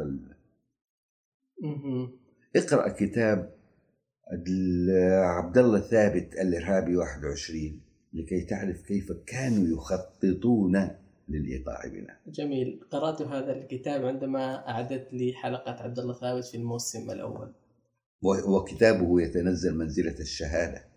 هذه المعركة كيف انتهت؟ انتهت بما نحن عليه اليوم. وأريد أن أسألك هل نحن اليوم كما كان يتمنى أهل الحداثة أم نحن اليوم كما كان يخطط أهل الصحوة؟ طبعا كما كان يتمنى الحداثيون لذلك أقول أننا نحن الذين انتصرنا ليس لأننا الأقوى ولكن لأننا كنا نملك وطنا نتمنى له أن يكون رائعا منفتحا واعيا كبقية الأوطان فوق الأرض. عظيم وهو أعظم الأوطان وغروتها. كأنك اجبت على هذا السؤال ما السيناريو الذي كان يتمناه الحداثيون حين ذاك كنا نتمنى وعيا عاما ولكن الذي حدث هو أن الله أنار لنا شمسا ذهبت بظلمات ما كنا فيه. إذا كأنك تقول بأن هذا الانتصار تأجل عقودا؟ تأجل كثيرا ولم نكن نحلم أن نفتح أعيننا ذات صباح. سأخبرك بشيء. قفزت فرحا حينما كنت أسمع الأمير محمد بن سلمان وهو يقول لن نضيع ثلاثين سنة أخرى من عمرنا. سنحطمهم الآن. كنت أحلم بقائد ينزعنا من ذلك الوحل الذي كنا فيه. وقد كتب الله لنا أن نشهد هذا القائد العظيم. بعد انجلاء غبار تلك المعركة ما التراث الذي تركه الحداثيون في المملكة؟ هي هي الذي يبقى هو ما كتبوه من شعر والذي يبقى هو ما كتبوه من رواية والذي يبقى هو الذي كتبوه من دراسات الذي يبقى هو هذا الصمود كل الذي كتبوه سيكتب أحسن منه سيكتب شعر أفضل. وستكتب دراسات أقوى. وستكتب روايات أمتع. ولكن لن يكتب الله للقادمين أن يقفوا حجرا في وجه ذلك السيل الذي كان آه، يوشك أن يعصف بالناس. لن تمنحهم الأيام هذه اللحظة التاريخية في مواجهة الظلام تلك اللحظة التي واجهناها.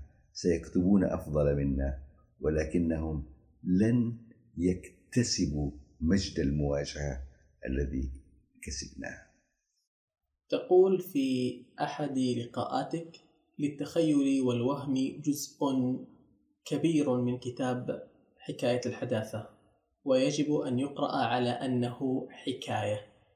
أين الكتابات الموضوعية عن الحداثة في المملكة العربية السعودية؟ هناك كثير من الدراسات حول الحداثة لا يمكن لنا أن نتجاهلها غير أنني أعتقد أن تاريخ حركة الحداثة لم يكتب آه وأعني به التاريخ وليس الحكاية. لنا أن نحكي كما نشاء لنا أن نتخيل كما يتخيل من يحكي.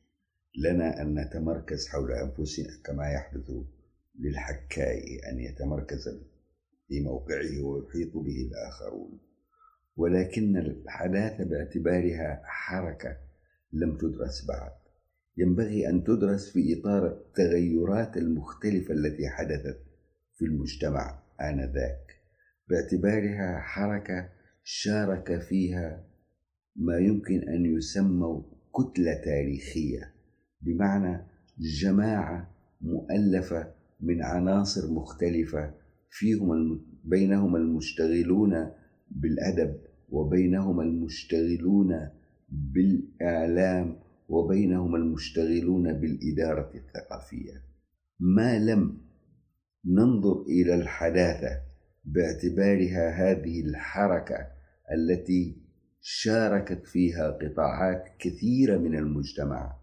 ما لم ننظر إليها باعتبارها الحركة التي أفضت إليها مجموعة من الملابسات الاجتماعية والعلاقات بالثقافة العربية فإننا عندئذ لا يمكن لنا أن نكتب تاريخا حقيقيا للحداثة. لم يكتب تاريخ الحداثة وما كتب هو مجرد حكاية يرويها متحدث إلى جماعة يحيطون به في مجالس القص. إذا كيف تفسر أن حركة كبيرة قامت في بلد كبير وانتصرت كما تقول لم يكتب تاريخها حتى الآن؟ هناك الكثير مما لم يكتب. تاريخ مجتمع بأكمله لم يكتب. تاريخ التغيرات الكبرى التي مررنا بها لم يكتب. ليست الحداثة وحدها التي لم تكتب. ربما لأننا لا نزال نفتقر إلى المؤرخ الثقافي الذي يدرك آليات تاريخ الخطابات والحركات الثقافية الكبرى. ربما ربما لأن الذين شاركوا في الحداثة نأوا بأنفسهم عن أن يتمركزوا حول ذواتهم وهذا قدر من يكتب عن حركة هو مشارك فيها. نأوا بأنفسهم عن أن يتمركزوا داخل الحداثة فيكتبوا عنها. لو أن واحدا من أهل الحداثة كتب لأصبحت كتابته شهادة وجهة نظر رأي ولكنها لن تكون تاريخ. من يكتب التاريخ ينبغي أن يكون خارج هذا التاريخ. قادرا على رؤيته من مسافة الراصد له وليس المشارك فيه تقول في لقاء آخر الغذامي إذا لم يجد من يختلف معه سيختلف مع نفسه هل نستطيع القول بأن الحداثة السعودية أكلت أبنائها؟ إذا إذا استثنينا ما كتبه الغذاني في كتاب الحداثة وإذا استثنينا ما عمد إليه من تمركز الذات باعتباره قطب الحداثة فإن الآخرين لا يزالون يضعون أنفسهم موضع المنتج للحداثة. لم تأكل أبنائها ما زال من يحيون من أبنائها يتمتعون بعلاقات اجتماعية وصداقات آه، مستمرة وما زالوا كذلك يكتبون الحداثة لا يكتبون عن الحداثة. من هذا المقعد من هذا البيت العامر من هذا الحي كيف ترى بعينك الآن تلك الصراعات أو تلك المعركة بين الحداثيين وخصومهم؟ بعين اليوم.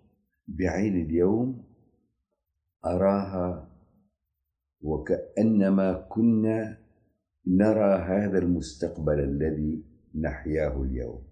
كنا نراهن على المستقبل.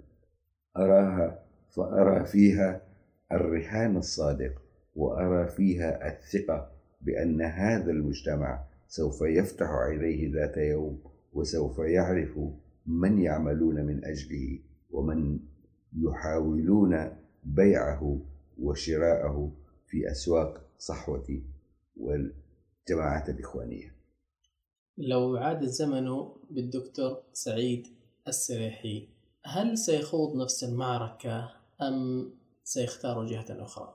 لن أقول أنني سأخوض نفس المعركة ولكنني سأتبنى نفس التجربة تلك المعركة أحدثت مسافة بيننا وبين المجتمع. تلك المعركة شوهت صورتنا لدى المجتمع. لا أتمنى أن تعود تلك التجربة ولكنني سأقوم بنفس ما قمت به حتى ولو كان مآل ذلك أن أخوض التجربة نفسها. قبل التسجيل قلت عكاظ هي بيت الثاني. أليس كذلك؟ هي كذلك. عكاظ عكاظ هي هي هي خندق الذي آويت إليه حينما آه، اضطررت للخروج من الجامعة. هي كانت الركن الأشد إذا؟ هي كانت كذلك نعم. وجدت فيها الأهل وجدت فيها الأصدقاء وجدت فيها المنبر الحقيقي كذلك. عن عكاظ ما واقع الصحافة السعودية اليوم؟ الصحافة الورقية تعيش مأساة انصراف القارئ عنها وانصراف المعلن بالتبعية عنها مما أوقعها في مآزق اقتصادية لم تلبث أن أفضت إلى مأزق أشد من انصراف الكفاءات عنها حينما لم يعد لديها القدرة المالية أو الملاءة لكي تستقطب أصحاب القدرات الإعلامية وأصحاب القدرات الثقافية كذلك. إذا هذا هو مأساة الصحافة عموما. ولم تستطع الصحافة كذلك أن توجد لها آه، مجالا مميزا في الصحافة الإلكترونية لمنافسة وسائل التواصل المختلفة لها. لم تستطع أن أن أن أن, أن تمسك بما كانت عليه ولم تستطع أن تتمكن مما أصبحت عليه. إذا الصحافة الورقية في المملكة فشلت في تغيير جلدها واللحاق بالركب الإلكتروني. ماذا تقول؟ آه هذا صحيح. بقاء الصحافة الورقية أصبح عبئا على المؤسسات لم تعد قادرة على تحمل تكلفة آه الورق على سبيل المثال أو تكلفة العاملين في الحقل لم تعد تستطيع أن تدفع حتى أجور الذين يعملون فيها. ولكنها كذلك لم تستطع أن تستثمر مواقعها الإلكترونية لتحقيق مكانة لها في ظل ما يزخر به المجال الرقمي من وسائل إعلامية وثقافية متنوعة. لعلي أتطفل على عملكم في الصحافة أو على الصحافة عموما كوني شخص لم يدرس الصحافة. لكن ليس هو الانتقال فقط من الورقي إلى الإلكتروني. هناك جملة من التغييرات والمواكبة يجب أن تحدث. لا يمكن لا يمكن أن أن أن أن, أن تنجح إلكترونيا إذا كان العمل الإلكتروني هو مجرد انتقال العقليات والآليات نفسها من الورق الإلكترونية. لا يمكن للموقع الإلكتروني أن يكون ناجحا إذا كان مجرد آه، وسيلة لنشر ما ينشر في الصحافة الورقية. للعمل الإلكتروني مجال آخر مختلف تماما في سرعته في وصوله للناس في استقطابه للمعلن في استثماره كذلك لدعم العمل الصحفي اقتصاديا إذا هل تود القول بأن أي صحافة تفكر ورقيا وتنشر إلكترونيا ستفشل؟ ليس ستفشل فحسب ولكن هو الذي يحصل اليوم الإقبال على الصحف لا يكاد يعد إذا ما قولنا بالإقبال على المواقع والصفحات الإلكترونية المختلفة أعتقد أن بإمكان بعض الوسائل أن توفر للكاتب للباحث للدراسة للمقال للتقرير مجالا أوسع بالانتشار من نشرها في الصحف الورقية بل أو الإلكترونية. بل إن كثيرا من الكتاب يضطر إلى استخدام وسائل التواصل لتشييع ونشر ما ينشر له في المواقع الإلكترونية. يضطر إلى استخدام تويتر أو الفيسبوك أو حتى الوسائط الاجتماعية المختلفة للوصول إلى الناس وكأنما لا يكفي الموقع الإلكتروني وسيلة لتواصله مع الآخرين. لو أعدتك ست سنوات تقريبا إلى الوراء قلت في لقائك مع عبد الله المدافر عن عكاظ كنت أضع يدي على قلبي حينما يترامى إلى سمعي ما يحدث في عكاظ. آمل أن تكون قد تجاوزت. في 21 هذا العام هل تجاوزت عكاظ أم لا؟ لا أعتقد لا أعتقد ما زالت عكاظ وغيرها من الصحف تعاني مأساة التغير الذي حدث في العمل الإعلامي وفي التسويق للعمل الإعلامي وأنا أقول عكاظ من باب آه، شعوري بها وليس ولا أعني أنها هي التي تتفرد بالمأساة.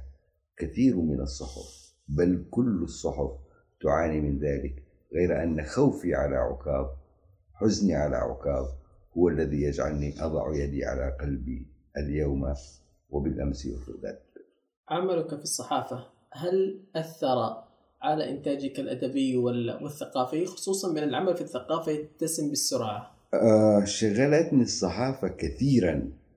ولكنني أحمد لعكاظ وأحمد لرئيس التحرير الدكتور هاشم عبد هاشم أن هذا العمل لم يحل قط دون أن أشارك في المنتديات التي أدعى إليها دون أن أشارك في المحاضرات التي كنت ألقيها في هذا النادي دون أن أسافر للندوات والمؤتمرات والملتقيات في مختلف الدول العربية التي كنت أتلقى دعواتها آنذاك. كانت الصحافة تشغلني كثيرا ولكنها لم تكن تحول بيني وبين التواصل مع الساحة الثقافية. لذلك حينما آه، تقاعدت من العمل الصحفي وجدت نفسي على صلة بكل المنابر الثقافية. بكل القضايا الثقافية واستطعت أن أنجز خلال آه، ست سنوات من التقاعد ما لم أنجزه خلال 28 عاما بين متعاون ومتفرغ للعمل في الصحافة. بعد هذا العمر المديد الذي أسأل الله سبحانه وتعالى أن يطيل فيه بالصحة والعافية والرضا ما الذي سعى خلفه سعيد السريحي في سنواته الماضية؟ ما الذي؟ سعى خلفه؟ لم لم أكن أسعى إلى شيء. ببساطة أنا رجل يحسن الكتابة. أو يتوهم أنه يحسن الكتابة. أو أنه لا يحسن شيئا غير أن أكتب. لم أكن أسعى لشيء وإنما كنت أستخدم هذه القدرة التي أعتقد أنني أمتلكها. كتبت بقدر جهدي وعملت بقدر إخلاصي للعمل. لا أعطي قيمة لما عملت ولا أتحدث عن هدف قد حققت وإنما ما أصدرته من كتب وما ألقيته من محاضرات وما شاركت به آه، ما شاركت فيه من ندوات. كل ذلك هو الأمر الذي كان بإمكاني أن أقوم به محسنا أو غير محسن. ولكنني في الحالين كنت مخلصا لما كنت أفعل. ولعلي فعلت ذلك لأنني لا أستطيع فعل شيء آخر سوى أن أتحدث أو أن أكتب وأن أفكر جيدا قبل أن أتحدث. وان أفكر جيدا قبل أن أكتب. ما الذي يريد أن يكتبه التاريخ عنه؟ سعد السراحي لست منشغلا بذلك. ربما ربما ربما لا لن يذكر التاريخ سعيد السراحي بشيء. ربما يذكره بالكثير ولكن أعتقد أن أن كل ذلك لا يعنيني بشيء. كل الذي يعنيني هو أن أقدم إلى الله وقد غفر لي. لا يهمني ما قيل. لا لا يفيد من من مات شيئا أن يذكر عنه ولا يسيئه بشيء ما قد يذكر مما قد يذكر حوله. لست معنيا. ولس وليس وليس آآ آآ وليس يؤذيني أن لا يذكر التاريخ أن شخصا ما اسمه سعيد السريحي قد عاش على هذه الأرض. لا أراهن على على على شيء يبقى لي. أراهن على أنني قد عشت حياة كريمة وأنني اكتسبت وآمل أن يكون ذلك صحيحا. أنني اكتسبت احترام من يعرفونني. تقديرهم لي كإنسان كان حريصا على أن يكون صادقا معهم. هذا الذي تريد أن يكتبه التاريخ. أي أنك لا تريد أن يكتب شيئا تقريبا؟ ليست المسألة أن أريد لا قيمة لأن أريد أو لا أريد. هل تتوقع أنا أنا لا يعني لا يشغلني طيب ماذا هل سيكتب. تتوقع أن يكتب شيئا؟ أو ماذا سيكتب كتوقع؟ دعه يكتب دعه يكتب. كان هناك رجل حاول جاهدا أن يضيف شيئا إلى مجال النقد الأدبي في هذا الموقع في هذا المكان في هذا الزمان. أن أن هناك رجلا كان اسمه سعيد السريحي شارك في آه، الحركة الثقافية في تلك الأعوام الممتدة ما بين عام وعام. لا يعنيني ماذا يكتب. لا يعنيني أنني راض عن نفسي. يعنيني أن أن أن ثمة من يقدر أنني كنت أو ما زلت رجلا مخلصا لنفسه لوطنه للناس الذين يعرفونه للقضايا التي يتناولها. إن نظرة واحدة من شخص يملك لي الحب والتقدير تسوى كل صفحات التاريخ التي تكتب بعد موتي. إن يدا واحدة تصافحني بود هي أقرب إلى قلبي من يد ألف مؤرخ سيكتبون ما سيكتبون. لو عاد الزمن بك ثلاثين عاما إلى الوراء ما الذي كنت ستفعل؟ أعتقد أنني سأفعل ما فعلت. لم أكن لم بس أكن على شيء. لا لا لم أكن لم أكن أخطط لم أكن أرسم. ليس لدي مشروع. كنت إنسانا آه، يتعامل ببساطة من يحاول أن يجد شيئا يقوله محاولا أن يجد شيئا لا يكرر فيه ما يقوله الآخرين الآخرون. محاولا أن أن يكون لي صوتي أن تكون لي بصمتي. آه، لو عاد التاريخ ثلاثين عاما أو أربعين أو خمسين أو أقل أو أكثر لن أحاول أكثر من أن أكون صوتي أنا أن لا أكرر ما يقال أن لا يكون ما أكتبه مكررا أن لا يكون ما أتحدث به معادا أن لا أكون صوتا لآخر غير صوتي أنا سعيد السلاحي الشاب الذي في العشرينات من عمره يمشي الآن في ممرة الجامعة متأبطا كتبه وأفكاره وأحلامه هل تريد أن ترسل له رسالة من هنا؟ كم كنت حالما أيها الفتى؟ هذه الرسالة فقط؟ أخشى أنه لا يعرفني أو أني لا أعرف. ربما لا يسمع صوتي. ربما يسمع ويصغي. الدكتور سعيد السريحي ما مشاريعه القادمة؟ أنا لا أريد أن أسميها مشاريع فتبدو كبيرة. هي قضايا أعمل عليها. مشغل الآن بكتابي عن الصحوة. محاولة الإجابة على سؤال يؤرقني كثيرا. كيف نجحت الصحوة في احتوائها وسيطرتها وبسط نفوذها على المجتمع؟ كيف تحول مجتمعنا من مجتمع إنساني طبيعي إلى مجتمع مغلق. كيف هيمن دعاة الصحوة على المجتمع؟ أحاول في كتابي القادم أن أجيب على هذا السؤال. ما هو الخطاب الذي استخدمته الصحوة؟ ما هي الآليات التي آه، امتلكتها لكي تفرض هيمنتها وقناعاتها على المجتمع؟ الدكتور سعيد السريحي في آخر سؤال في هذا اللقاء. هل لديك ما تقوله لناقد شاب؟ عليك أن